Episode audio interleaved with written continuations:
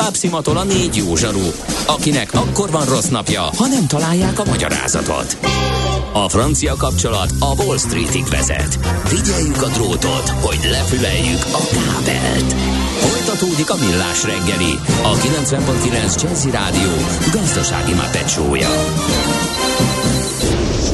A pénznek nincs szaga. Mi mégis szimatot fogtunk. A Millás reggeli fő támogatója a Schiller Flotta KFT. Schiller Flotta and Rent a Car. A mobilitási megoldások szakértője a Schiller Autó tagja. Autók szeretettel. 9 óra 18 perckor jó reggelt kívánunk minden kedves hallgatóknak. Folytatódik a Millás reggeli itt a 9.9 Jazzy Rádió Nács Gáborral. És Mihálovics Andrással. Robogjunk tovább, mert vizsgára készülő diákok tucatjai szídják a felmenőinket, mert feltartanánk a tanárukat, de miért is? Milyen legyen a jövő? Az oké, hogy totál zöld, de mégis mennyire? Nagyon csúcs zöld? Maxi zöld? Fantasztikusan zöld? Abban egyetérthetünk, hogy semmiképpen sem szürke, még 50 árnyalatban sem. Szuper zöld. A millás reggeli megújuló energiával, fenntarthatósággal és környezetvédelemmel foglalkozó rovata következik. Együttműködő partnerünk a Green Collect Kft. A vállalkozások szakértő partnere. Green Collect. Hulladék gazdálkodásban otthon. No, hát Budapest rovatunkban beszéltünk a Szivacs, Szivacsváros koncepciójáról, ami, amikor nagyjából annyi, hogy a város területére lehulló csapadékot különféle módszerekkel összegyűjtik, felszívják, hogy ne terhelje túl a csatornákat, és azt utána különböző célokra felhasználják.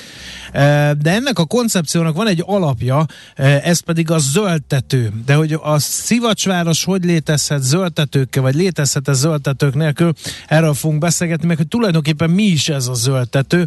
A kalauzunk ebben a témában Horváth Sándor Széchenyi Díjas okleveles építészmérnök, címzetes egyetemi docens, a BME épület szerkezettani tanszékének a tanára. Jó reggelt kívánunk! Jó reggelt kívánok én is mindenkinek. Hát elnézést a csúszásért, kérem tolmácsolja a diákoknak, hogy minket szidalmazzanak, hogyha sokat kell várni a vizsgára, de ez egy nagyon fontos téma. Vágjunk is bele. Mi ez a zöldtető tulajdonképpen? Nagyon egyszerűen az, hogy növényeket ültetünk egy háznak a tetejére, és ennyi? Vagy ennél ez bonyolultabb? Pontosan erről van szó. Fogalmi rendszerét tekintve ilyen egyszerű, meg kell fogni a zöld felületet, fel kell tenni a lapos tetőre, fel kell tenni a meredek tetőinkre, és ott megfelelő életteret kell biztosítani a növényzetnek, illetve maga a zöldtető és az emberek számára is egy életteret tud teremteni.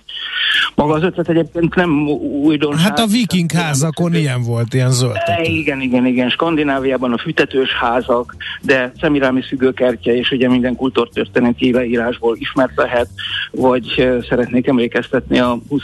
század egyik kiemelkedő építészére, Le Corbusier-re, akinek híres öt pontja közül az egyik úgy szól, hogy adjuk vissza a természetnek, amit az épületek beépítésével elveszünk tőle. Tehát gyakorlatilag a beépített területet tetőkertként, vagy teraszként, vagy akár szökőkútként, medenceként pótoljuk vissza. Miért jó, hogyha zöld tetőnk van? Műszakilag azért nem egyszerű a dolog, hiszen uh, a, uh, voltak, voltak olyan év, évtizedek a magyar építési gyakorlatban, ahol a tetőszigetelés jelentős problémát uh, jelentett, és az ebben az időben született zöldtetők inkább rossz irányba terelték az ezzel kapcsolatos véleményeket. Ugyanakkor azt a millió ökológiai előnyt ki kell emeljük, és műszaki előnyt is meg kell említenünk, ami egy ilyen zöldtetővel együtt jár. A, az egyik legjelentősebb előny, ami a szivacsváros gondolatához is illeszkedik, az a csapadékvíz visszatartása, és annak a késleltetett bejutása, a bejuttatása a csapadék elvezető hálózatba. Ugye a szennyvíztisztító műveket ezeknek a terhelését csökkentjük, hogyha a víz jelentős részét természetes környezet között tudjuk tartani. Ugyanakkor a csapadék visszapárologtatás a mikrokörnyezetjavító hatású, tisztítja a levegőt, csökkenti a hőmérsékletet az evaporáción, a kipárologtatáson keresztül. Uh-huh. természetszerűleg olyan műszaki előnyei is vannak, hogy beburkolja a tetőt, így újságírói hasonlattal szólva, megvédi a vízszigetelést a kiemelkedő szélsőséges hőterheléstől, a jégtől, a poreróziótól, és így akár a vízszigetelés élettartama kétszerese, háromszorosa lehet annak, mintha egy csupasz lapostetőről beszélnénk. Uh-huh. Uh, nagyon érdekes ez a téma, de ilyenkor az ember tényleg lehet, hogy így reflexből, de azt mondja, hogy ú, hát ez, ez, ez nagyon problémás. Hogy kerül a föld a tetőre? Biztos vízszigetelt-e? Ha mégsem csinálja meg jól a mester, és elkezdünk ázni, az egy zöld tetővel halmozottan több problémát jelenthet. Ez így minden megállapításában igaz. Egy tetőszigetelésnek egyébként is a kritikus rétege a vízszigetelés. Ezen kívül természetesen hőszigetelnünk is kell, hiszen a megfelelő komfortérzetet biztosítanunk kell, légtömörnek kell lenni, stb. stb., hogy ne legyen húzatos egy tető, és ehhez egy rátét rétegként jelenik meg az ültetőközeg és a benne lévő növényzet. Tehát itt sok szakmának az együttműködése szükséges. Egyrészt biztonsággal el kell készíteni a, a, tetőszigetelést, de utána a soron következő szak szakmák közreműködőinek vigyázni kell a már elkészült munkára, és ez ellenőri szinten, építés helyi menedzsment szintjén azért többlet gondot jelent. Azt is tudni kell, hogy ugye az erdei termőföldet nem illik felrakni tetőfelületre, hiszen az erdei föld az egy szinte végtelen vastagságú termett közeg, és ami a tetőn működik, kisebb réteg vastagság esetén, amelyet extenzív zöldtetőnek nevezünk, ez ilyen 10-15 cm-es ültető közeg, szándékosan a terminológia nem földet említ, hanem ültető közeget, ez egy fellazított ásványi anyagokkal lazává tett valami. Ez sziklakerti, félgyomnövények, posgáslevelű, szárazságtűrő növények számára ad ö, táptalajt. A másik változatunk a tetőkert, a pihenőfelület, a akár több méteres rétegostagságú feltöltés, az ténylegesen ö, terasz, játszótér, pihenőfelület, pergola, árnyékoló, ö, kiülési lehetőségek számára biztosít életteret számunkra. Ez az intenzív zöldtető, itt a növényzet is teljesen más, tápanyag utánpótlás is teljesen más. De érdekességként meg tudom említeni, hogy például Ausztriában, Svájcban a nálunk megszokott közösségi kertekhez hasonló közösségi kertek létesülnek lapos tetős épületek tetején, és fel van parcellázva, és a házban lakók feljárnak a tetőre, és ott termelik meg a zöldséget, gyümölcsöt, díszfelényeket, stb. stb. Tehát ez kell azért egy környezetudatosabb gondolkodás és egy várospolitika, hogy ezt lehetővé tegye. Minden ö, épület alkalmas lehet zöldtetőre? Ezt azért kérdezem, mert ha még földet is hordunk rá, annak megváltozik a statikai ö, tulajdonsága. Mármint nem a földnek, hanem nem a, a földnek, hanem a tetőnek, tehát lényegesen nagyobb teheret kell cipelni. Ez az egyik kérdés, a másik pedig, hogy mi van a sátortetővel, mert az abból jóval több épület van a városokban, mint a lapos tetővel. Először is korrigálni szeretnék, nem föld, hanem ültető között. Ülte, súlykolni uh-huh. kell, mert, mert ez Nagyon helyes. a forrási lehetőség, úgyhogy muszáj ezt helyesen használni és helyesen uh-huh. alkalmazni. Belvárosi területeken azért sokkal több a lapostető. Ugye a lakóparkjaink lapostetővel készülnek, azok belső udvarai több ezer négyzetméter felületen, ugye még garázsok vagy szolgáltató létesítmények között parkoknak adnak lehetőséget, és gyakorlatilag nem lehet eladni egy olyan lakást most már, ami alatt nincsen zöld felület. Tehát ennek kifejezetten érték növelő mhm. hatása is van. Na most a meredek felületre egy kicsikét más technikával a föld lecsúszását megakadályozó georácsok vagy profilos lemezek, profilos rácsok beépítésével lehet telepíteni, de ahogy említette, a viking házak, ugye a skandináv fűtetős házak működnek, a támfalgarázsok már 30-40 év óta Budapesten is működnek, ferdén ráhordott ültetőközeggel, füvesítve, tehát technikailag minden lehetséges. Uh-huh. Természetesen azért ez többlet terhet jelent, erre a födémet méretezni kell, amit egy új szerkezetnél nagyon könnyen meg lehet tenni, mert a 10-15 centi fellazított ültetőközeg az alig valami többlet, alig valamivel jelent többet. Még a növényzettel együtt is? Még a növényzettel uh-huh. együtt is. Tehát ez tényleg ilyen, ilyen felülettakaró, posgás, sziklakerti, szédumféle növényeknek kell elképzelni, ami az extenzív változat ez a kikönnyített valami. A petőkert a egy-másfél méter föltakaróval az lényegesen többet jelent. Nyilván egy több méter magasra megnövő fa a lombkoronájának a vitorla hatása által még kiborulás elleni stabilizálást érdekel, vagy igényel. Tehát ezeket a kérdéseket azért tudatosan kell kezelni, és ahogy említettem, tök szakmának együtt. Tehát egy biztonságos vízszigetelés kell, azt meg kell óvni, és a tetőkertésznek, a térburkolónak, a öntözőrendszer telepítőnek, a térvilágítás kiépítőnek, annak mind ügyelnünk kell arra, hogy ezt a, a tetőfödén bizalmi rétegét ne tegyék tönkre.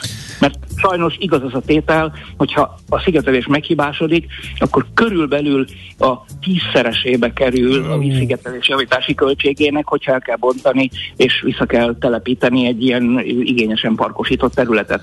De ha jól meg van csinálva, nem tesszük tönkre, nem kapáljuk szét a vízszigetelést, akkor viszont 30-40 évig is garantáltan működni fog a lapos tető, szemben azzal a csupasz tetővel, amit esetleg 15-20 évenként fel kell újítani. Egy laikus kérdést feltehetek? A gyökerek nem teszik tönkre ezt az egészet? Látjuk, jártunk be, kertünk be a városba, hogy ültettek egy fát, és az bizony a kőkemény betont is fel tudja törni a gyökereivel. Igen, ez így igaz. Abból a biológiai tényből kell kiindulni, hogy a növényzet keresi magának a táptalajt. A táptalaj az nyilván az ültetőközegben van, és a tápanyagot pedig a víz szállítja. Tehát a gyökérzet mindig oda fog vándorolni, ahol a víz folyik. A víz pedig a rétegrenden belül a vízszigetelés tetején szeretne folyni. És folyik is a lejtésnek megfelelően, késleltetve egészen a összefolyókig. Na most ahhoz, hogy a vízszigetelés tartós vízhatlansága megmaradjon, úgynevezett gyökérálló minősítéssel rendelkező vízszigetelést kell beépíteni. Tehát ha nekem van egy garázsfödémem, amit megcsináltak 15 évvel ezelőtt, akkor arra meggondolatlanul nem telepítenék zöldetőt, szakembert kellene kihívni, lehet, hogy egy olyan új vízszigetelő réteget kellene felrakni, amely minősítetten gyökérálló, uh-huh. és nem enged a gyökérzet vegyi és mechanikai roncsoló igénybevételének. Az utolsó ké... Igen, bocsánat. Új, új épületeknél ezt nagyon könnyen meg lehet valósítani, hiszen tervezett a rétegrend és tervezett az anyaghasználat. Az utolsó kérdés, aztán engedjük vizsgáztatni, reméljük nem raboltuk túl sok idejét, hogy, hogy ez nagyon klassz dolog, hallhattuk, hogy mennyi előnye van, hallhattuk, hogy meg lehet oldani, de ez mennyire drága mulatság? Tehát mennyire éri meg ilyet befektetni? Pont annyira, mint amennyi értékkel uh-huh. rendelkezik. Uh, nyilvánvalóan réteg vastagság az igényesség függvényében lehet költségekről beszélni. Egy ilyen 10-15 cm egyszerű fellazított ültetőközegű és talajtakaró, posgáslevelű, szárazságtűrő növényzettel elkészített extenzív zöldtető az olyan 15 ezer forint körülre tehető négyzetméterenként. Ez a mai 1 millió forintos lakás négyzetméter árhoz viszonyítva azt gondolom, hogy elhanyagolható. Ez csak a extenzív zöldetőnek a többletköltsége, hiszen alatt a vízszigetelés, hőszigetelés, egyéb rétegeket így is úgy is meg kell építeni. Uh-huh. Viszont, viszont könnyen belátható, hogy a tetőszigetelés felújítási ciklusa is kitolódik, hiszen egy védőréteget építettem fölé. Igen, tehát ahogy elhangzott, nem 10-15 évente, hanem 30-40 évente kell hozzányúlni ez. Legalább megduplázzuk, uh-huh. igen, és ezt hajlandók az emberek eh, elfelejteni, vagy nem megfontolni, nem számba venni, amikor egy, egy ilyen beruházásról van szó, hogy ennek ilyen műszaki értéktöbletnövelő hatása is van, nem beszélve a környezeti életminőség javításában, a csapadék visszatartásában betöltött szerepéről. Hát nagyon szépen köszönjük, sokkal okosabbak lettünk, hála önnek, és azért meg még egyszer, és számtalanszor elnézést kérünk, hogy itt a vizsgai időszakban, és ez külön öröm számunkra, hogy mégis szakított ránk időt. Köszönjük még egyszer!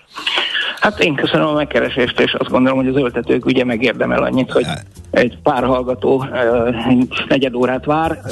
Szóltam nekik a vizsga kezdeténél, hogy most fontos társadalmi és szakmai elkötelezettség vár rám, úgyhogy ki fogják bírni. Hát ők se fogják a millás reggelit hallgatni, ez biztos, főleg a rossz jegyet kapnak, úgyhogy drukkolunk nekik. Köszönjük szépen! Köszönjük szépen! Köszönöm, köszönöm én, és viszont hallásra. Viszont hallásra. Mindenkinek. Horváth Sándor Széchenyi díjas okleveles építészmérnökkel címzetes egyetemi docenssel a BME épület szerkezettani tanszékének tanárával beszélgettünk egy vizsgáztatás közben. Az biztos, hogy ha legközelebb otthon megkapom a szokásos kérdést, hogy menni kéne virágföldért, akkor azt fogom válaszolni, Ültető hogy közeg. virág ültető közeg lesz az. Nagyon helyes. Úgyhogy ez biztos, hogy becsipődött örökre. A Millás reggeli megújuló energiával, fenntarthatósággal és környezetvédelemmel foglalkozó rovata hangzott el. Superzöld, hogy a jövő ne szürke legyen, hanem zöld. Oké? Okay. Együttműködő partnerünk a Green Collect Kft. a vállalkozások szakértő partnere. Green Collect. Hulladék gazdálkodásban otthon. Tőzsdei és pénzügyi hírek a 90.9 jazz az Equilor befektetési ZRT szakértőjétől. Equilor, az év befektetési szolgáltatója. Helyes itt van velünk a vonalban Török Lajos vezető elemző. Jó reggel, szia! Szervusz, köszöntöm én is a. Egy monológot szeretnénk kérni tőled, mert kaptunk tőletek egy tortát, és ez elolvad, úgyhogy muszáj megennünk még te beszélsz. Nem tudom, ez szándékos időzítés volt-e, hogy még a Milás reggeli adás idejében e, ide küldjétek, de nincsen fagyasztónk, úgyhogy mi most Igen, szépen... gyorsan kénytelenek vagyunk. akkor És nektek teli jó szájjal, étvágyat kívánok. teli szájjal nem beszélhetünk. Úgyhogy parancsolj. Nagyon szépen Jó, köszönjük, leköteleztetek bennünket, de ez a műsor rovására ment most. Rendben, akkor átveszem a szót, és jó étvágyat kívánok még egyszer. Tehát igazából Budapesten is, egész Európában is most úgy tűnik, hogy jó a hangulat, ugye mindenki estére vár igazából, tehát hogy a Fed mit és hogy fog lépni, ugye egyre hangosabbak voltak az utóbbi időben a 75 bázispontot, eh, vagy bázispontos emelést váró elemzőknek a hangja, meglátjuk, hogy mi fog történni. Ami egy reggeli érdekesség, hogy az LKB zárt ülést rendelt el, nem tudjuk, hogy fog-e ezután kijönni bármiféle hivatalos sajtóközlemény, 11-kor ülnek össze, és hát mindenki arra tippelt, hogy az emelkedő hozamok nem tetszenek az LKB-nak, és emiatt beszélgethetnek most a döntéshozók. Hát elég csak arra gondolni, hogy az olasz 10 éves már 4% fölötti hozammal kereskedik euróban, ezért ez nyilván egyre nehezebb lesz a költségvetéseknek. Mint mondtam, egyébként jó hangulat van, a Bux több mint 1%-kal 39.153 pontra emelkedett, az OTP fél százalékos pluszban 8498 forinton, a MOLE másfél százalékot emelkedett 2838 forintra, és a Richter is 2 százalékot meghaladó emelkedésével 6795 forinton kereskedik. Európában is 1 százalék körüli pluszok vannak, az amerikai határidők pedig egy kicsit kisebb 0,3,5 százalék közötti emelkedést mutatnak. Ami mindenkit gondolom érdekel az utóbbi időszakban nem lehet nem megkerülni a forint. Hát olyan szempontból pozitív, hogy ismét 400 alatt vagyunk, 398 forintot és 51 fillért tenni egy euróért. A dollárral szemben pedig nagyobb az erősödés. Itt most már 380 forint alá is lenéztünk, de most éppen 380 forintot és 67 fillért kell érte adni, és hát az euró is erősödik a dollárral szemben, 1,0485 most a keresztárfolyam. Hát akkor Hát, megint de- messzebb került a paritás, nagyon profi Fagyi egyébként. nélkül sem tudtunk volna közbeszólni, Igen. tehát egyébként a, meg minden kérdésre válaszoltál, úgyhogy... Még egy, még egy érdekes, a- ez a paritás, ez messzebbinek látszik? Vagy ez eleve egy ilyen utópia volt? Mármint a dollár-euró keresztben. Őszinte leszek, csak délutántól függ, és azt hát mit fog mondani. Aha. Én El tudom képzelni. Tud olyan üzenet jönni, hogy nagyon közel kerüljön, tehát a 75 bázispontos emelés is egy nagyon erős üzenet utána a piacoknak. Én azt el tudom, nem, tehát ma, ma reggel így távolabb kerül, de szerintem az LKB titkos, hogy hát ilyen zárt ülése miatt van, de hát az, hogyha az este a Fed valóban megszólal, akkor ő tud olyat mondani, Mhm. ami, ami azért eléggé a paritás közelébe lökheti az euró-dollár jegyzését. Most nyilván ez nem egy nap alatt, meg nem rögtön, de hogyha mondjuk beemelik a 75 bázispontot, és még azt mondják, hogy a következő üléseken is valószínűleg erre lesz szükség, akkor azért az EU dollár erő bizony megindulhat. Uh-huh. Még egy kérdés, mekkora a forgalom Budapesten? Forgalom Budapesten egy hát átlagos egy másfél Mhm. milliárd forintot meghaladó, tehát nem olyan extra, és akkor még ilyen érdekességként, tehát a kriptopiacon viszont folytatódik a vérengzés, azt azért látjuk. 1000 dollárhoz közelít az Ethereum jegyzése, most 1096 dollár és 20.840 dollár a bitcoin jegyzése, tehát itt is azért tűnik, hogy további eladások várhatóak. Jó, nagyon szépen köszönjük, megyünk tovább tortázni. Jó Oké, kereskedés, szia, szia! Köszönjük. tortázást, sziasztok! szia. Köszi, ciao. Az elmúlt percekben Török Lajos vezető elemző nyitott tőzsdét nekünk. Tőzsdei és pénzügyi híreket hallottak a 90.9 jazz az Equilor befektetési ZRT szakértőjétől. Equilor, az év befektetési szolgáltatója. Érdekel az ingatlan piac? Befektetni szeretnél? Irodát vagy lakást keresel? Építkezel, felújítasz? Vagy energetikai megoldások érdekelnek?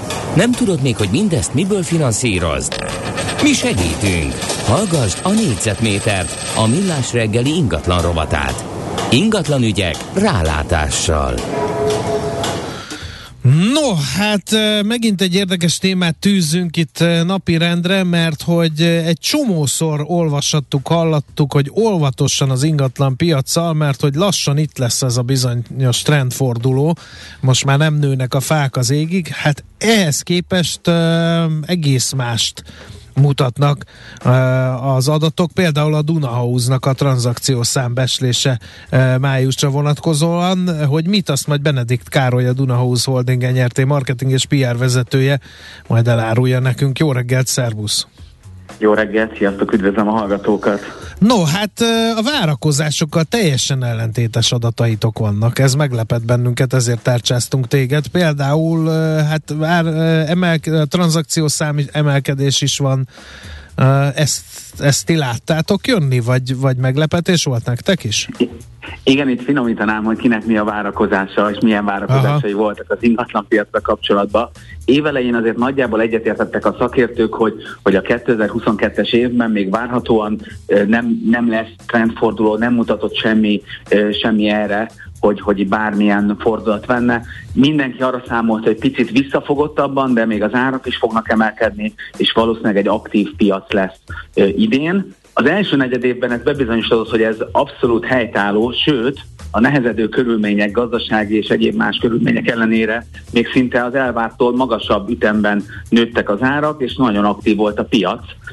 Itt nagyon sok tényező volt, nagyon sok összetevő, hogy a lakástámogatások, családtámogatások mi meddig érhető el, a választások kimenetele, tehát azért nagyon sok bizonytalansági tényező hatott az egész piacra, és várhatóan, vagy valószínűleg ezért volt sokaknál az a, az a várakozás, hogy itt valamiféle változás fog történni. Erre mi mindig azt szoktuk mondani, hogy nézzük az adatokat, és hozzuk a nagyon friss számokat, amik egyelőre hónapról hónapra azt mutatják, hogy, hogy ennek nincs még a jeleit, azért tegyük hozzá, hogyha az adatok és a számok mögé nézünk, és kicsit részleteiben vizsgáljuk, akkor azért látszódnak a változásnak a jelei, de hát egy ilyen környezetben abszolút változó ingatlan piacra kell számolni most a következő időszakban. Jó, hát az első negyed évet azt szerintem értettük, tehát... Hát ott még a lendület ment tovább. Hát egyrészt lendület, másrészt akkor már látszottak a jelek, akkor még előrehozott választ, választás, vásárlások is simán lehettek és hajthatták a piacot. Na de az, hogy a hitelek nagyon megdrágulnak, és a potenciális vevőknek egy jelentős köre hitelképtelenné válik, mert a feltételek úgy változnak, azért ez egy óriási kiesés a keresleti oldalon önmagában, és akkor még más tényezővel nem beszéltem, és ez friss, tehát ez, a, ez még nem az első negyed évnek a története. Viszont májusban már azért ebből érezhető lehetett volna valami, de ezek szerint nem. Hát inkább áprilisban volt érezhető talán egy nagyon pici, pont tényleg a választások és a nem tudom, egyéb más ünnepek, húsvét, minden miatt, akkor, akkor volt egy nagyon pici visszaesés, és májusban ehhez képest egy nagyon pici erősödés volt, tehát egyenlően még ez nem mutatkozik. Most az akciószámról beszélünk? tranzakciószámról, meg áremelkedésről is, és itt a hitelpiacot is érdemes nézni, nagyon, nagyon jó rátapintottál, mert ugye ez egy lényegi pont lesz az ingatlan piac szempontjából, hogy a hitelpiac hogyan fog változni, és hogy mennyien lesznek hitelképesek. Itt viszont nagyon nehéz most még szétszedni az adatokban azt, hogy a, a zöld, zöld hitelnek a kifutása és a mostani folyósítás, illetve a támogatott hitelekhez képest mennyivel estek vissza a piaci alapú hitelek, amik javarészt nagyon-nagyon megdrágultak, és, és várhatóan hogy azért lesz, lesz visszaesés a hitelezésnek ebben a szegmensében, de a támogatott hitelek és még a zöld otthonnak a, a, a kifutása egyenlőre nagyon erős számokat produkál a hitelpiacon is. Na de az is kifut, na de az, kifut a zöld hitel is. Kifut, igen, kifut, és a folytatásáról ugye egyenlőre még nincsenek hírek, de például a családtámogatásoknak már egy jelentős részére, vagy a tervezett költségvetési számok alapján számíthatnak a vásárlók, mhm. aminek szintén pozitív és pluszt ad a, a piachoz és a piac aktivitáshoz, és azt mutatja, hogy kormányzati oldalon is aktív ingatlan piacra számolnak az idei év további részében és 2023-ban is, hiszen 2023-ban a lakástámogatásokra fordított összeg, most ugye még csak tervezetről beszélünk, tehát 30%-kal magasabb és 491 milliárd forintot szeretnének lakástámogatásra fordítani az állami forrásokból, ami azért egy jelentős támogatást ígér vagy mond 2023-ra is. Hát ugye ez megváltozhat, mert a költségvetést azt mindig 20-szor átírják még menet közben, de a terv az megvan kétségkívül, tehát ez, ez, ez, ez látszik. Mm, Oké, okay. na most az meddig maradhat fönn, hogy azt értjük, hogy az új lakás ár az Hát az lényegében az építőanyagárak, azt a, a kivitelezésnek a költségei határozzák meg, de alapvetően a használt a lakáspiacon meg azért kereslet kínálat. Viszont az új lakás és a használt sem tud olyan nagyon elszakadni egymástól, és az új lakás árak egyszerűen a szakemberhiány miatt, illetve az anyagköltségek durva elszállása miatt égbe szállt, és ez nyilván húzza magával a használt piacot. Tehát ez olló mennyire tud nyílni szerinted? Vagy ez, vagy az új lakás lakás, vagy önmagában így ez az inflációs hatás, e, e, ez tovább húzza a használt lakáspiacot, és annak ellenére, hogy mondjuk kereslet már alig van? Hát valamilyen szinten igen, és itt, itt két dologgal vitatkoznék. A, a kereslet alig van, az, az még, még Csökkenő, bocsánat, bocsánat, bocsánat, de, de az, hogy nyilvánvalóan csökkenni fog, hogyha kiesnek a hitelesek az egyik oldalról, az azért megáll, nem? Igen, nyilvánvaló, hogy, a, hogy, hogy további emelkedés nem várható mondjuk a keresletben, uh-huh. inkább csökkenés, stagnálás, ennek mértéke lesz majd a kérdése, itt a pont a hitelezési kérdése miatt. Viszont nagyon fontos az árak mellett, hogy a kínálat milyen lesz.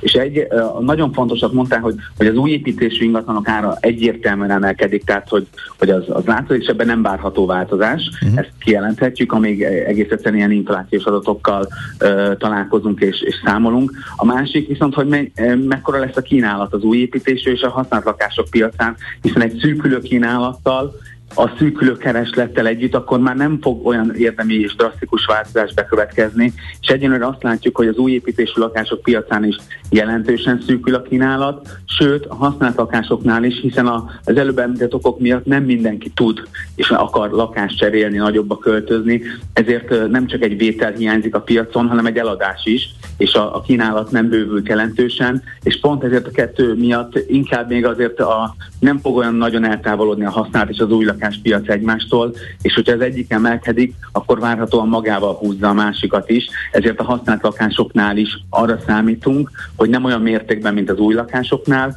de inkább emelkedni fognak az árak, és egyenlően az első öt hónapnak az adatai ezt mutatják, Aha, az értékesítési adatok. Tehát akkor úgy vélitek, hogy ez kitarthat még az év második felében is esetleg?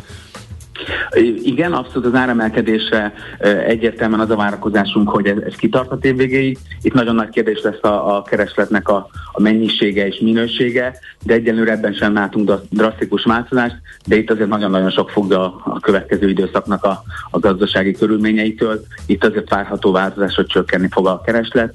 Kérdés, hogy ez az ingatlan piacra milyen hatással van. A befektetők most erősödtek az elmúlt időszakban, az első lakásvásárlók csökkentek, tehát azért átalakul a, a piaci arány és a, a súlyuk az egyes vásárlói rétegeknek, de egyenlőre még az összvolumen az fennmaradt. Uh-huh. Oké. Okay. Nagyon szépen köszönjük, hogy átfutottuk ezt, és az előrejelzést is. Szép napot, jó munkát neked is. Köszönöm szépen, nektek is szép napot. Szia, szia. Benedikt Károlyal beszélgettünk a Duna House Holding NRT marketing és PR vezetőjével.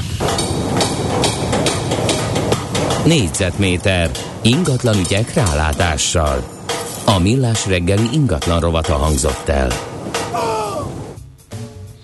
Mi a hír a kínai ingatlanos cégekkel? Ezt a nem egy percben megválaszolható kérdést teszi fel a hallgató, úgyhogy ezt most nem fogjuk megvásárolni, mert ugye az Ever, uh, Evergrande csődjétől hát féltünk az év elején. Uh, de aztán múló aztán hatás múló volt, hatása igen. volt, igen. De ezt most nem fogjuk megválaszolni, nem. úgyhogy... Ellenben van még szerinted a jégkrémtortából, vagy nem a kollégák? Tudom. Remélem, hogy nincs, mert az azt jelenti, hogy uh, veszélyben a fogyókúra. Igen. Hmm. Na, Lepergett a műsoridő, köszönjük, hogy velünk tartottatok, reméljük, hogy megérte velünk tartani. Holnap ismét kísérletet teszünk a kegyeitek elnyerésére, és hát ugye, ha valamit tanultunk az IBS-es beszélgetésben, az, hogy a, be kell vonni a hallgat. Mit akar a hallgató? Ezt nem tudtuk feltenni ezt a kérdést, de majd holnap feltesszük és akkor majd olyan lesz a műsor, amilyet ti akartok. Köszönjük szépen a kitartó figyelmet mindenkinek. Ne részegüljünk meg a labdarúgó eredményektől, ettől a GDP nem fog épülni, nem fog szépülni az ország, nem fogjuk utolérni hamarabb Ausztriát, úgyhogy mindenki hármózott erő, vagy nem, négyszeres erővel. Ha fiúknak sikerült négyszerezni az előnyöket, akkor nekünk is sikerül meg négyszerezni az erőfeszítéseinket a magyar GDP gyarapítása érdekében. Köszönjük előre is az erőfeszítést. Holnap találkozunk 6.30-kor. Sziasztok! Már a véget ért ugyan a műszak, a szolgálat azonban mindig tart, mert minden lében négy kanál. Holnap reggel újra megtöltjük a kávés bögréket, beleharapunk a fánkba és kinyitjuk az aktákat. Addig is, keressetek minket az arcaktákban, a közösségi oldalunkon. A mai adás podcastjét pedig holnapunkon. Millás reggeli, a 90.9 Jazzy Rádió gazdasági mapetsója. Ha csak egy műsorra van időd idén, tégy róla, hogy ez legyen az. Csak egy dolog lenne még. A Millás reggeli fő támogatója a Schiller Flotta KFT. Schiller Flotta and Rent a Car. A mobilitási megoldások szakértője a Schiller Autó tagja. Autók szeretettel.